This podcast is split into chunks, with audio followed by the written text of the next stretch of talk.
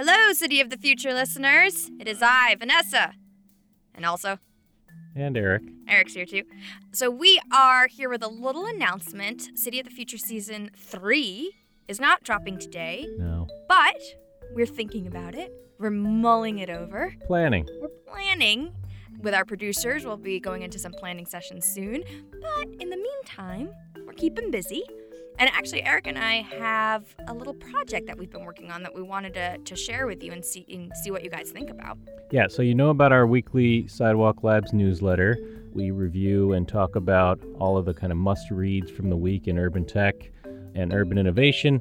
And we are putting together a chat show podcast that talks about these stories and gets to unpack them a little more than our newsletter does. Exactly.